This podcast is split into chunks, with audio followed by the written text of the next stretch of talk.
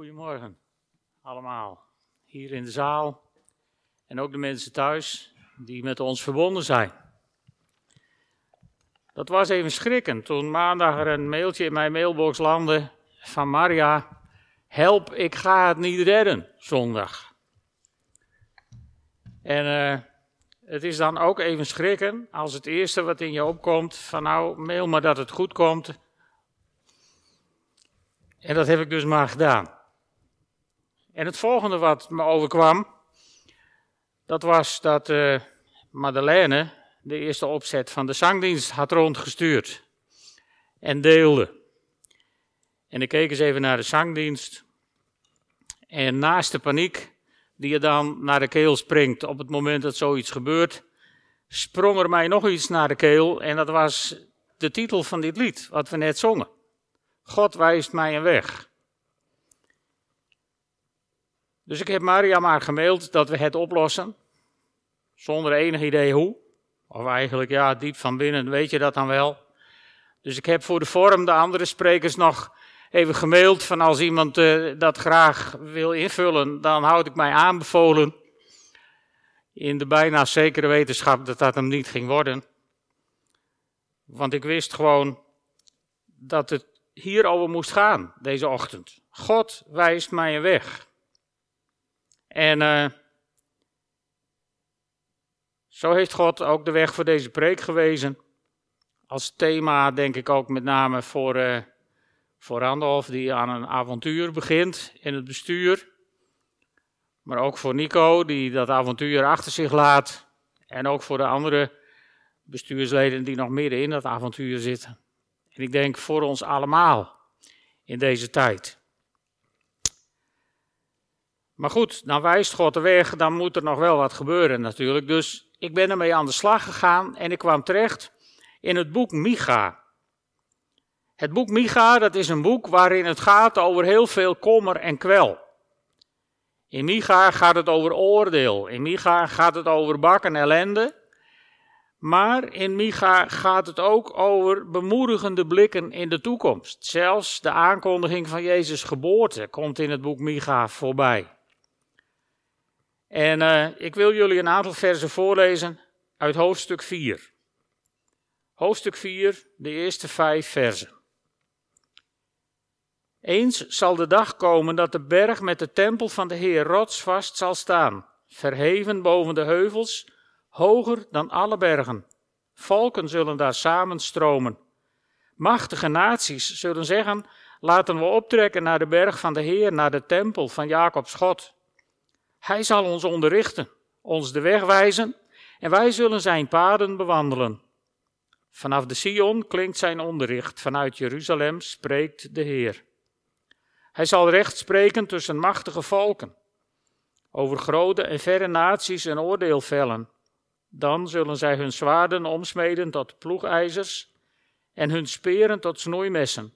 Geen volk zal nog het zwaard trekken tegen een ander volk, geen mens zal zelfs meer weten wat oorlog is. Ieder zal zitten onder zijn wijnrank en onder zijn vijgenboom, door niemand opgeschrikt, want de Heer van de hemelse machten heeft gesproken. Laat andere volken hun eigen goden volgen. Wij vertrouwen op de naam van de Heer onze God, voor eeuwig en altijd. Dus midden in al dat oordeel van het boek Micha, midden in die crisis, situatie wordt er even ons een blik gegund op de nieuwe hemel en de nieuwe aarde. Want eerder zal het niet zijn dat niemand meer weet wat oorlog is, dat er geen zwaard meer zal worden getrokken.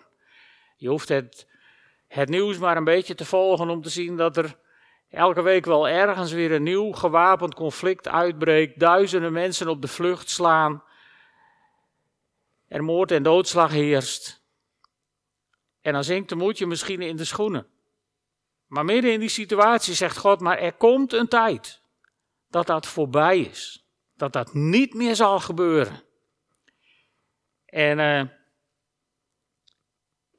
in hoofdstuk 5 wordt dan aangekondigd dat in Bethlehem de Zoon van God, de Messias, zal worden geboren. Nou kan dit gemakkelijk leiden tot wat ze in het Engels escapisme, escapism noemen. Dus de neiging om, om te zeggen van nou ik hoop maar dat de Heer gauw terugkomt, want dan zijn we eraf. Als een soort ontsnappingstactiek, zeg maar, om, om aan, aan de hectiek van deze wereld te ontkomen. En dat is natuurlijk niet de bedoeling. Wij leven in deze wereld gewoon om daar onze plek in te nemen, om andere mensen om ons heen te bemoedigen, te ondersteunen. En, en, en de hectiek en de crisis en ook ziekte en andere narigheid ontgaat ons niet. We leven er gewoon middenin. En midden daarin wil God ons dan volgens mij bemoedigen door die prachtige Bijbeltekst waar ik met jullie heen wil, uit Micha 4, vers 2. Daar staat: Laten we optrekken naar de berg van de Heer, naar de tempel van Jacobs God. Hij zal ons onderrichten, ons de weg wijzen. En wij zullen zijn paden bewandelen. En ik haal daar drie punten uit waar ik even over iets over wil zeggen. Drie punten. Optrekken, de weg gewezen worden en zijn paden bewandelen. Wel, dat letterlijke optrekken naar Jeruzalem, dat zit er niet in. En bovendien staat daar momenteel geen tempel, althans niet van Jacobs God. En afhankelijk van je eindtijdvisie is het maar de vraag of er weer een tempel komt. En in ieder geval in het tijdperk wat Micha beschrijft, de nieuwe hemel en de nieuwe aarde, in ieder geval niet. Want in openbaringen lees je dat als het nieuwe Jeruzalem uit de hemel neerdaalt, dat daar geen tempel meer nodig is, omdat God daar gewoon woont. Maar het optrekken naar de Heer, dat blijft dan over. En dat kan, weet je. Wij hebben daar geen tempel meer voor nodig, want de Heer is veel dichterbij je dan in die tijd vermoed werd. Het is namelijk zo dat Paulus schrijft in 1 Korinthe 6, vers 19: Weet je niet dat jouw lichaam een tempel is van de Heilige Geest, die in je woont en die je ontvangen hebt van God? Je hoeft dus niet ver te reizen. Je hoeft alleen maar bij jezelf te raden te gaan, zolang jezelf slaat op de Heilige Geest die in je hart woont. Zolang jezelf betrekking heeft op die zachte stem van God die in jouw hart klinkt. En die je de weg wijst. En die je de liederen aanwijst die je mag uitzoeken soms.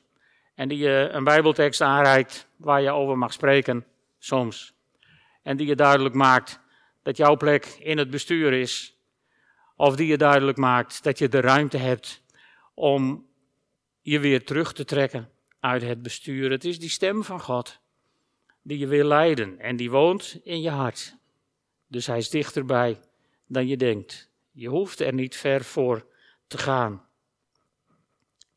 En uh, als je dan bij God te raden gaat, wordt je de weg gewezen.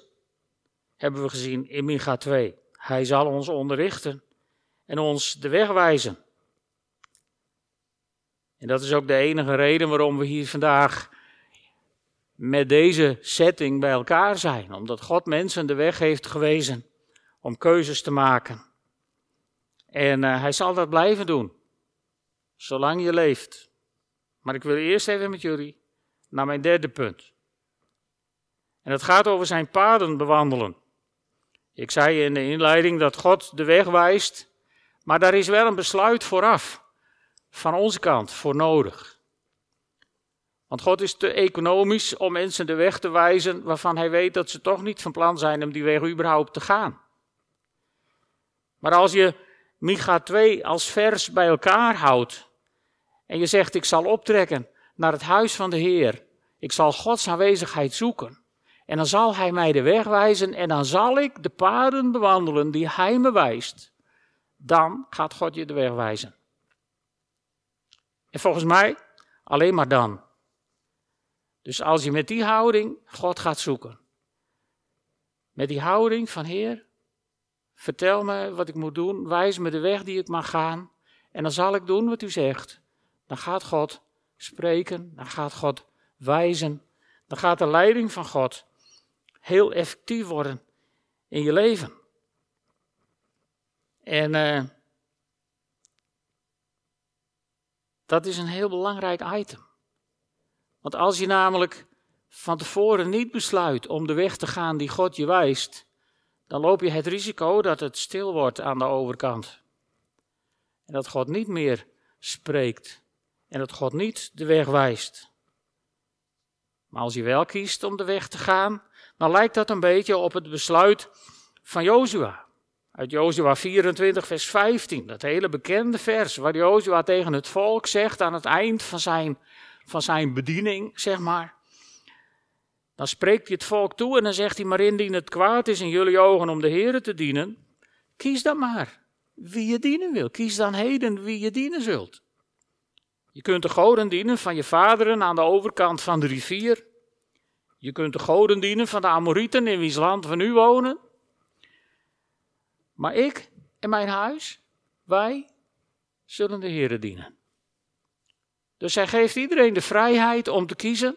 Hij zit niemand achterna. Hij legt niemand op wat ze moeten. Hij geeft iedereen de ruimte en zegt: Maar ik en mijn huis, wij, wij hebben een keuze gemaakt. Wij gaan om terug te stappen naar Micha 4. Wij zullen de paden van de Heer bewandelen. En uh, als bestuursleden weet je dat jij en je gezin een voorbeeldfunctie hebben. Maar troost je, er wordt niet alleen op jullie gelet. Iedereen die hier op het podium staat muziek te maken en te zingen, daar wordt ook op gelet. En iedereen die daar in dat mooie hok zit om technische dingen te doen, of nu achter de camera zit, er wordt gewoon naar je gekeken. En mijn gebed en mijn hoop is altijd dat er met liefde naar je wordt gekeken. Niet al te kritisch, want niemand van ons is volmaakt. Maar met vergeving, met ruimte, met, met respect voor elkaar. En dan wil God je de weg wijzen. En dan krijg je hulp van drie kanten. En de eerste kant is Jezus Christus. Dus mijn eerste advies aan jullie, aan ons allemaal eigenlijk, is blijf dicht bij de Heer. Die zei in Johannes 14, vers 6, ik ben de weg, de waarheid en het leven. Jezus zei daar niet van, jongens, ik ben ook een redelijk alternatief. Want hij zei erachteraan, niemand komt tot de Vader dan door mij. Met andere woorden, hij schetst daar een redelijk exclusieve weg. En ik hoop dat je dat pad wilt bewandelen. Dicht bij Jezus. Luisterend naar Hem. Mijn tweede dringende advies is: laat je leiden door de Heilige Geest. Waarvan diezelfde Jezus zegt in Johannes 16, vers 13: De Geest van de waarheid zal jullie, wanneer Hij komt, de weg wijzen naar de volle waarheid. De Geest zal jullie de weg wijzen. Dat maakt duidelijk hoe belangrijk het is om te luisteren naar die zachte stem in je hart.